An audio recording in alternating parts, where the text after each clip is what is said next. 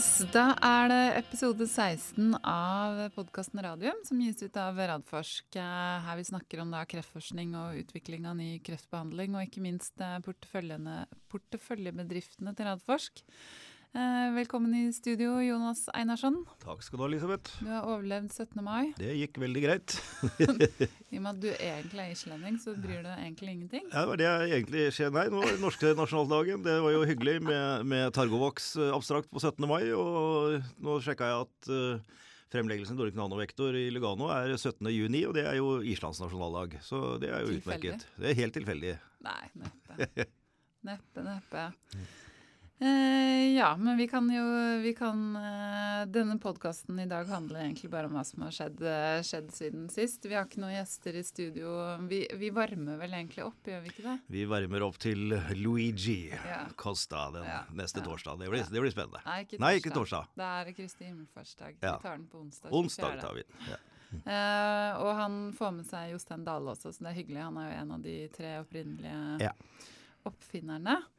Eh, men vi kan jo begynne med Ultimovax, som har eh, fått mye oppmerksomhet i norske medier den siste tida. Ja, har eh, Vi har jo vi snakka om det noen ganger nå, at det har vært litt sånn ventefase vi har vært inne i eh, på alle selskapene. Det er litt sånn ketsjup-effekten. Nå, nå skjer det. Ja, nå Mye. det. Ja. Ja, Ultimax Typisk. eh, fikk en opptale i Dagens Medisin på en publikasjon som uh, de hadde i et veldig bra tidsskrift. Mhm. Som var en oppsummering av den første studien de gjorde på prostatakreftpasienter. Det er første gangen vi bruker noen av vaksinene våre, så vidt jeg kan huske, i hvert fall i nyere tid, Ja, på prostata. prostata, sant. Eh, og spennende resultater. Mm -hmm. uh, 86 eh, immunrespons. Mm.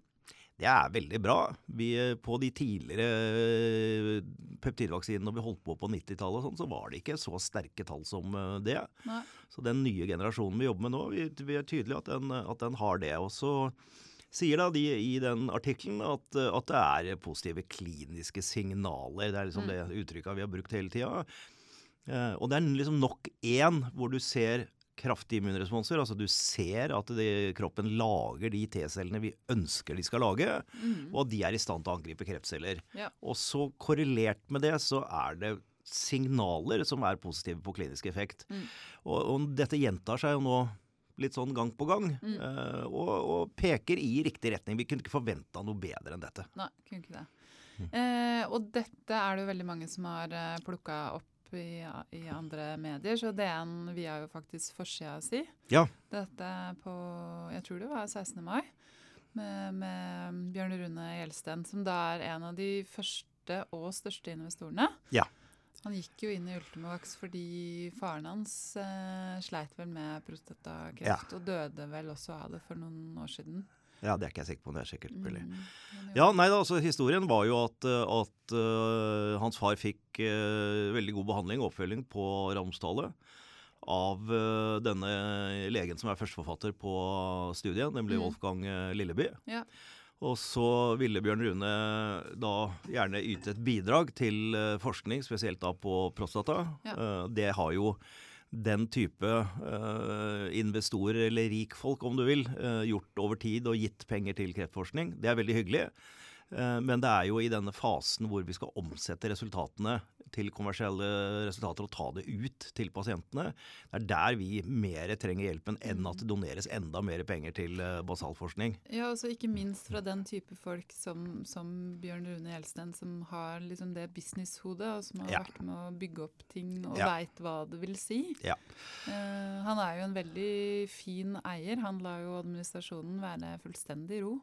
Han er kjempefin. Mm. Han, eh, vi snakket, eh, altså Wolfgang eh, sa da til Bjørn Rune at han burde ta en prat med Radforsk. Ja. Uh, Istedenfor å donere penger. Og Mm. Det var på en måte starten til samtalene rundt, rundt dette. Sånn at det var Invento og Radforsk og Bjørn Rune som Mm. gikk inn først i Ultimovox. Og så er det da kommet inn flere store og sterke Profilerte. profilerte investorer. Det er det er Kanika, og det er Sunt, og det er flere. Ja, Som gjør at vi har en eierskits der som er veldig trygg. Og vi har brukt mye tid til å snakke med disse investorene. Spesielt Leif Askvik i Sundt er jo veldig aktiv og virkelig jobbet og satt seg inn i dette. Sitter også Mm. i styret i Ultimovax Mm. og i Onkoinvent sammen med meg. Ja, nettopp. Ja. Ja. Uh, Og har vært inne, om ikke er inne i Torgovax. Altså han, de har vært aktive i, i sektoren. Og de har på en måte fått dette med seg hvordan vi utviklingsløpet er i disse Mm. typer selskaper. Mm. At ting tar tid, og at det er det vi snakker om akkurat nå, det er de kliniske dataene, effektdata, immundata, som på en måte derisker casene, sånn at vi nærmer oss mer en større sannsynlighet. Det de kaller for likelihood of approval, det er liksom det som styrer. Ja. Og i mellomtiden så hender det at vi må ta et skritt til siden, vi må gjøre noe nytt, som vi gjorde med Nordic Nanovektor med, med predoseringen eh, der, blant annet. Og vi kommer tilbake til med PCI Biotech nå. Mm. Eh, og de ser at dette styrker caset, eh, og sitter rolig i båten. og det er investorer jeg liker å jobbe med. Ja. Det er, og det er vel Mm. de man må ha med seg inn i denne bransjen også. Vi trenger de, og vi trenger også for all del småinvestorene som Ja. er villige til å være med og legge inn penger i, i selskaper som i utgangspunktet har høy risiko, Mm. eh, men er villige til å være med og, og stå løpet ut der. Så vi må ha en kombinasjon av denne type investorer og alle retail små, småinvestorer. Det er ikke så veldig små heller, da. Altså når vi gjør emisjoner hvor minste tegningsbeløp er 100 000 euro, Ja, ja. Så, så satser folk eh, penger her. Så jeg har Ja, stor respekt for det, altså. Men eh, hvis jeg leste den artikkelen i DN riktig, eh, skal Ultimax ha ny emisjon nå? Vi har ikke gått ut med noe. Vi, Nei, okay. vi, vi gjorde en emisjon der for en stund siden som sikra driften. Nei. Nei. Men, men med den type investorer som vi har der, så kan vi på en måte legge inn det som er nødvendig når det er nødvendig å gjøre Ja, det. ja. Sånn at vi, vi har ikke der gått ut med den store åpne emisjonen, Nei. og vi har ikke noen planer om å gjøre det i denne runden. Eh, Men, men det kan godt være at hvis alt går riktig vei, at det er plutselig den store emisjonen som kommer etter det igjen. Og da kan Ja. man jo tenke en børsnotering. Men, men, men det, det er bare sånn eh, som vi vurderer fort. Ja, og vi vurderer fortløpende i alle Ja. selskapene underveis. Yes, Men du nevnte PCI Biotech, så da kan vi jo gå at de, de har hatt en kvartalsoppdatering. Ja. Og de har også snakka litt om klinisk i forhold til utviklingen av den behandlingen deres mot eh, gallegangskreft. Ja, ja. Uh, og denne gangen var det på en kvartalspresentasjon faktisk noe, noe nytt uh, som kom frem. Ja. Eh, og det var spennende. Mm. vi har jo snakket tidligere om disse dataene de har levert så langt, med denne berømte median overall survival-saken som ble litt uh, misoppfatta, etter min mening, i, i markedet. Eh, og ikke minst da at disse dataene de har på lesjonene, eh, er så spennende. Eh, og det de har eh, sagt ved flere anledninger tidligere, for det har blitt spurt bl.a. av meg, at eh, når det er null tox, ingen skade, ingen fare med dette, og du ser at lesjonene blir borte, men i et par pasienter at det dukker opp nye, Mm. eh, kan man ikke da gjøre gjentatte behandlinger og få i hvert fall to ganger, kanskje flere. Eh, Og De har sagt at de vurderer det, men nå har de sagt at de skal gjøre det. Ja. Eh, Og de gjør det smart. Ja. Fordi de har jo en pågående studie. Disse pasientene som er blitt behandla, følges jo Mm. videre. De har sites, altså steder som eh, gjør studiene Mm. åpne. Eh, De har klinikere som har sett lovende resultater ut fra dette. Og da å utvide den pågående fase 1-2-studien Mm. med en, eh, ikke en ny arm, men bare forlenge den, men med da å gjøre gjentatt behandling. Om det blir to ganger eller flere, det vet vi ikke. Enda, jeg forsto det. Og det er litt feil. Jeg forsto det som at de skulle gjøre to behandlinger. Okay. At det, at det var det de skulle gjøre.